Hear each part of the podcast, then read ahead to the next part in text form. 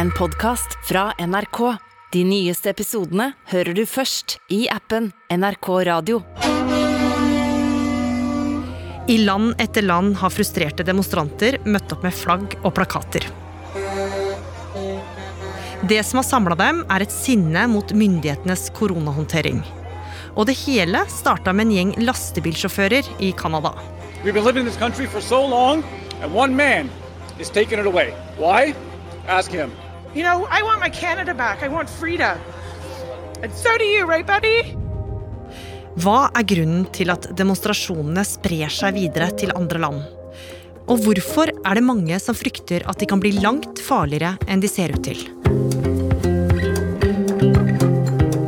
Du hører på Oppdatert. Jeg heter Gry Veiby. Lars Os, du er USA-korrespondent for NRK. Og du la merke til et nytt fenomen i sosiale medier. Når fikk du høre om opptøyene i Canada? Nei, det her var vel tidlig eller midten av januar, og så sitter jeg hjemme i leiligheta i Washington DC og tar opp telefonen, ser på Twitter at uh, uh, det er flere uh, meldinger som har 'Freedom Convoy' i seg. en hashtag som jeg ikke hadde sett før. Går inn og ser da at du har mange bilder, videoer av lastebiler i Canada. These are the people that are leading a national movement of freedom and love and unity. Let's go, Brandon! Yeah! Det var ikke bare på Twitter. Du så plutselig at eh, amerikanske medier, spesielt på høyresida, begynte å snakke om det. You know what makes me hot right now? Canadian truckers. yeah. In the era of COVID craziness, they said screw this madness and they stepped on the gas. Eh, Det var eh, mange på altså Instagram, på Twitter, på Facebook, så dukka det opp mange poster om truckere, som de kaller det i, i Canada. Altså lastebilsjåfører som eh, sa de var nå er de lei korona.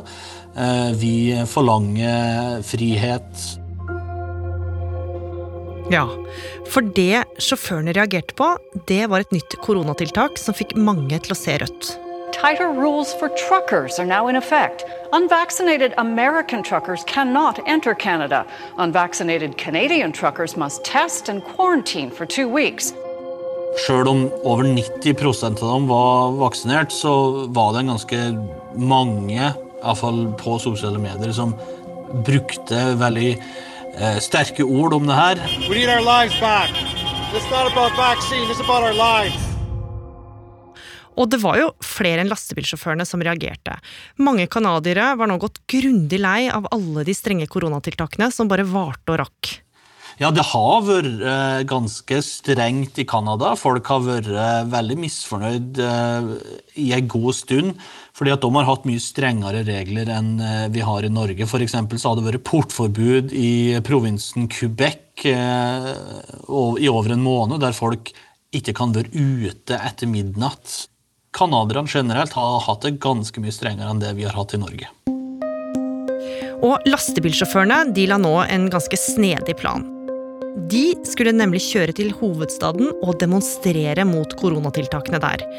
Og for mange så var dette her en tur som gikk over flere døgn. Men det var jo ikke bare yrkessjåfører som nå satte snuta mot Ottawa. Nei, Helt klart så var det flere konservative grupperinger som sto bak organiseringa, og det kom litt fram etter hvert.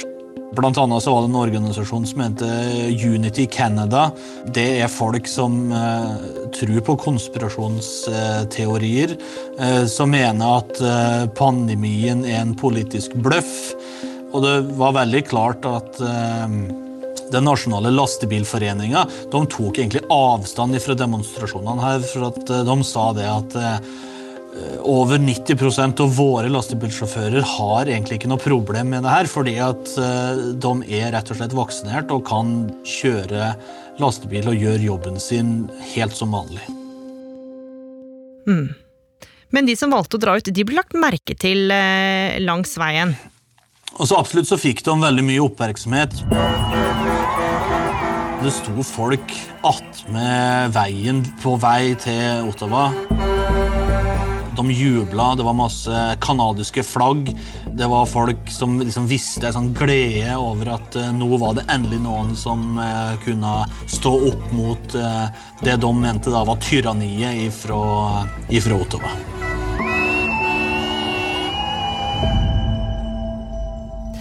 Og etter en ukes tid på veien så hadde mange av dem kommet fram til Ottawa, der de samla seg. A state of emergency in Ottawa tonight as a huge convoy of truckers takes over the city, demanding an end to Canada's COVID 19 restrictions. Og folk strømma til den canadiske hovedstaden, og dette bare vokste og vokste. Og Lars, du bestemte deg for å dra og se dette med egne øyne.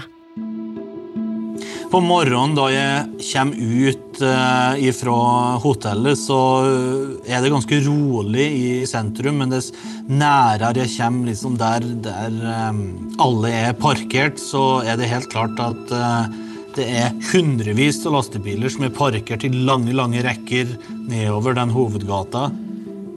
Og når du da kommer til kan vi si, kjernen her, da, rett utenfor parlamentet, så er det liksom musikk, det er sang. Det er mange um, demonstranter som har tatt med seg ungene sine. altså så Hele familier er der. Um, det var en del uh, presse der som gikk rundt og prata med folk. Og så så vi jo politiet gikk litt sånn rolig og tusla bare forbi og visste at de var der, men, men grep ikke inn i hele tatt. Men jeg bet liksom merke til at det var noen som hadde tent opp noen bål på fortauet og sto rundt og grilla. Det var mange lastebiler som hadde parkert eh, oppover gata. så Det er, tre, det er ofte enveiskjørte veier der. Så én av eh, veiene var åpen, mens eh, de to andre filene der var det tjåka fullt med masse lastebiler, med biler med skrift på. Det var mye Freedom Convoy. Det var Gi oss tilbake friheten vår. Det var stygge, stygge ord om statsminister Justin Trudeau og generelt en sånn beleiringsfølelse. At folk hadde kommet dit for å bli der. Men det var ikke bare fredelige demonstranter som hadde møtt opp. For det kom også enkelte rapporter om at noen av demonstrantene hadde hatt med bl.a. amerikanske sørstatsflagg og nazisymboler. Og så var det noen som hadde urinert på Den ukjente soldats grav, som er et monument eh, eh, som betyr veldig mye for canadierne. Det var vandalisme og til noen grad eh, demonstranter som hadde vært aggressive mot vanlige folk som var der. Dette var rapporter som kom eh, litt hele tida. Er dette a peaceful movement som blir hijacked av andre groups? Well, that's really hard to say. Everyone does have the right to protest, but there are other actors who may be engaged who see this as an opportunity for something else. Other members have also called for the protests to become Canada's January 6th, a reference to the crowds that stormed the U.S. Capitol last year. I would like to see our own January 6th event. See some of those truckers plow right through that 16 foot wall. None of us, of course. I just like to see it. Og den dagen jeg kom dit, så hadde òg en lokal dommer bestemt at det var ulovlig å, å tute. At lastebilene med det her sinnssyke høye horna sine de fikk ikke lov til å tute mer. Da kom politiet med en gang bort og ga dem ganske store bøt. Ja, for det viste seg jo at lastebilene var jo spesielt godt egna til protester. For ikke bare tuter de høyt, de er også svære og tunge og nesten helt umulig å taue bort.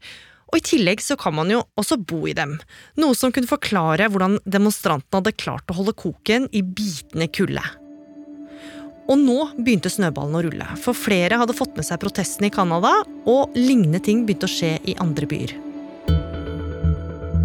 Ja, det kom jo flere meldinger om at uh, det begynte å spre seg. Og det så vi veldig fort på sosiale medier, at uh, de tilhengerne her var jo veldig glad for at det uh, dukka opp noen demonstrasjoner i Vancouver, i Toronto, i Montreal, i Quebec. Og det, det var jo med å, å hause opp litt stemninga. og Demonstrantene fortalte liksom meg at uh, se her, se her, nå sprer det seg utover resten av Canada. Det er ikke bare oss truckere som er sur og forbanna over restriksjonene. Nå vil hele folket at alle restriksjoner skal forsvinne. Ja, for den appellerte også til helt vanlige folk som var lei. Og Demonstrantene fikk mye støtte, og rundt 8. februar så hadde demonstrantene i den canadiske hovedstaden holdt koken i to uker. Men selv om mange virkelig følte at eh, disse demonstrantene talte deres sak, så var det også flere som begynte å gå mektig lei. De som bor i Ottawa, de var veldig lei fordi at eh, eh de ikke kunne ferdes eh, i, i, sentrum som vanlig. Det var flere butikker som var stengt. Det var en barnehage og en skole i sentrum som valgte å stenge fordi det var eh, rett og slett uhyggelig å være der, ifølge flere av innbyggerne. Det var et veldig sånn press på politiet om at nå må vi gjøre noe her. Eh, fordi at de kan jo ikke stå og holde på sånn. Men politiet hadde jo valgt å gripe inn så lite som mulig, nettopp fordi at det var mye familier som var der. Canadierne er um, veldig varsomme med med å gå inn med um, politi eller med makt, slik vi er vant til å se i USA. Statsminister Justin Trudeau gikk jo på talerstolen i Underhuset og snakka om at eh, nå har vi hørt dere. Eh, vi forstår hva dere vil, vi forstår sinnet, men vær så snill, gå hjem igjen. Og da sa han at han ville tilføre mye midler, føderale midler til eh, flere politistyrker, og i løpet av den uka så kom det flere tusen politibetjenter inn til Ottawa for å prøve å roe ned hele demonstrasjonen, og det de nå kalte da okkupasjon av byen Ottawa. It has to stop. The people of Ottawa don't deserve to be harassed in their own neighborhoods. They don't deserve to be confronted with the inherent violence of a swastika flying on a street corner, or a Confederate flag, or the insults and jeers just because they're wearing a mask. Men eh, Trudeaus eh, krav det beit ikke på demonstrantene, for mange var jo virkelig sinna. Og de hadde også samla inn masse penger så de kunne holde på en stund. Men myndighetene letta ikke på koronatiltakene, og nå skulle aktivistene gå enda et steg lenger. I begynnelsen av februar gjorde de noe som skulle få store konsekvenser for hele landet. Ja, Nå begynte demonstrantene å gå mye mer drastisk eh, til verks, og de valgte å okkupere flere grenseoverganger mellom USA og Canada. I Detroit så er det ei bru som heter Ambassador Bridge. Det er ei stor og mektig, høy, fin bru som går eh, mellom Canada og, og, USA. Og den brua er den største livsnerva eh, mellom Canada og USA. Det fraktes mat og varer for millioner til millioner til dollar der hver eneste dag. De blokkerte i praksis alle kjørefeltene over brua og sto og demonstrerte der med canadiske flagg, med de samme type plakatene som du så i sentrum. Og det var det generelle kravet om at eh, alle restriksjoner må bort, og vi vil ha tilbake eh, friheten vår. Etter flere dager med mange hundre demonstranter på viktige broer og grenseoverganger, satte myndighetene hardt mot hardt. 12. februar rykka politiet inn, og de som ikke forlot området frivillig, de ble fjerna med makt. Men de neste dagene, Lars, så gjorde politiet flere funn som ga myndighetene en støkk. Ja, for Det dukka opp flere rapporter om at eh, demonstranter flere plasser i Canada hadde blitt arrestert med våpen. og Her var det snakk om både håndvåpen og automatrifler, noe som ikke er vanlig eh, for canadiere å ha. og Da innså både jeg og flere at eh, her, her kunne det faktisk ha blitt mye styggere enn det vi faktisk så. Ja, og ikke lenge etter gikk Trudeau ut og innførte noe landet ikke hadde opplevd på 50 år. The federal government has invoked the Emergencies Act to supplement provincial and territorial capacity to address the blockades and occupations. I en lysegrå dress foran en rekke canadiske flagg fortalte presidenten at han hadde gått til det sjeldne skrittet å erklære unntakstilstand i hele landet. Han fikk jo da muligheten til å bruke mye mer makt eh, for å håndtere denne situasjonen. For eh, både han og andre politikere var nå veldig tydelige på at nå må vi bare få avslutta det her, for eh, det har pågått så lenge. Politisjefen i, i Ottawa han gikk av på press for at han ikke hadde gjort så særlig mye. Og i Ottawa så, så vi veldig tydelig at politiet rusta seg opp. De ga ut eh, papirflyers på engelsk og fransk, for fransk er jo et hovedmål som engelsk i, i Canada. Eh, der de på skal vi si, kanadisk Vær så snill, reis hjem igjen. Nå, eh, nå mener vi alvor. Og da tok det ikke så lang tid før eh, det skjedde. De satte inn store politistyrker. De satte inn hester for å bryte opp demonstrasjonene, og så begynte de rett og slett å arrestere folk på flekken. De brukte pepperspray i noen tilfeller. Det var enorme bøter. Noen ble trua med fengselsstraff for at de ikke flytta seg. Og på sosiale medier så så vi veldig mye kommentarer fra da den høyresida som var for demonstrantene, at se her, se her, nå begynner Canada virkelig å bli en, en fasciststat, for de går til angrep mot uh, uskyldige demonstranter. Men det som faktisk skjedde, var jo det at uh, politiet hadde gitt så mange meldinger til demonstrantene at nå må dere uh, få vekk, ellers så bruker vi makt. Og det var nettopp det de gjorde. Og Nå begynte de da å, rydde opp i gatene, og det var jo tydelig at det her hadde folk eh, til seg veldig godt til rette. Det var liksom som å se en festivalcamp rydda opp. De fant mye mat, de fant mye drivstoff eh, på kanner. Det var masse bål, det var boblebad. Her var det tydeligvis folk som hadde brukt eh, mye, tid og ressurser på å rett og slett prøve å kose seg. Men det slutta da nå i slutten av februar. Demonstrasjonen ble jo nå over, og folk eh, enten eh, for hjem igjen sjøl, eller så ble de arrestert. Og etter tre intense uker der flere tusen demonstranter og lastebiler hadde beleira hovedstaden, så var det altså over. Hva var det de egentlig fikk ut av det her, Lars? De ville jo at alle restriksjoner skulle bort. Det var kanskje usannsynlig at alt ville forsvinne med en gang, men helseministeren i Canada gikk faktisk ut og sa det at ja, nå skal vi se på noen av restriksjonene, og så skal vi prøve å lette på noe. Så det var en liten seier? Det var nok en liten seier, ja. Men selv om det hele tilsynelatende var over i Canada, så hadde jo misnøyen spredt seg til andre land og Freedom Convoy-arrangementer dukka opp på Facebook som paddehatter. Ja, det her spredde jo seg som ild i tørt gras til flere land. Det dukka opp i Frankrike. Det dukka opp i Belgia. The police wants to block truck drivers entering the city from the so-called Freedom Convoy. And they want also to avoid a Ottawa-like blockade when the city would be blocked for weeks. Østerrike, og så da i Norge.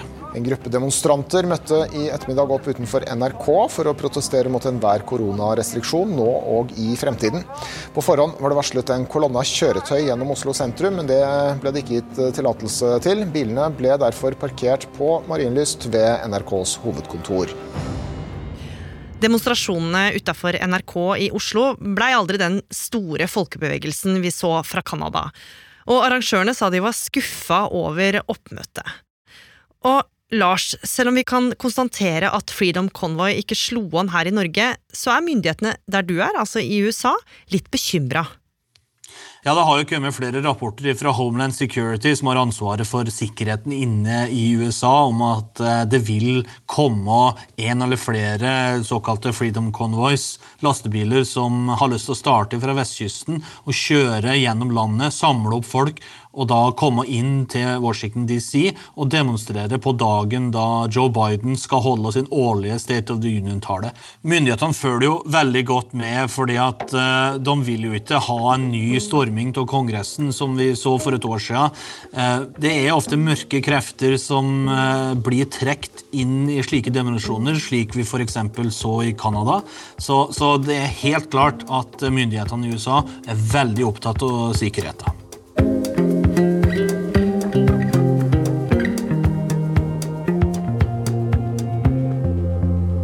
Oppdatert er en podkast fra NRK Nyheter. Og likte du det du hørte, så må du gjerne anbefale oss til en venn. Denne episoden er laga av Kaja Kirsebom, Id Skriverhaug Andreas Berge. og meg, Gry Veiby. Programredaktør er Knut Magnus Berge. I denne episoden har du et klipp fra Steinbach, City News, TikTok, Fox, Global News, Independent, Al Jazeera, Reuters, Guardian News, France 24 og Euronews. Har du kommentarer eller innspill, send oss gjerne en mail til oppdatert krøllalfa nrk.no. Hei, jeg heter Silje Nordnes. Når det skjer ei ulykke, ringer vi nødtelefonen. Redningssentralen? Ja, Sea King Rogaland Radio redningsskøyter har fått problemer. Kan du se det nå? Vi har møtt både de utsatte, pårørende og menneskene i hjelpeapparatet. Pappa lå der, og så plutselig så, så jeg at han ble blå. Bli med og hør hva som skjer når vi er i nød og trenger hjelp. Jeg husker jeg og Sandra ser på hverandre og skjønner at det her gikk bra. da. Vi redda livet hans. Da kom på en måte tårene og, og følelsene. SOS Nødtelefonen sesong 2 med Silje Nordnes hører du først i appen NRK Radio.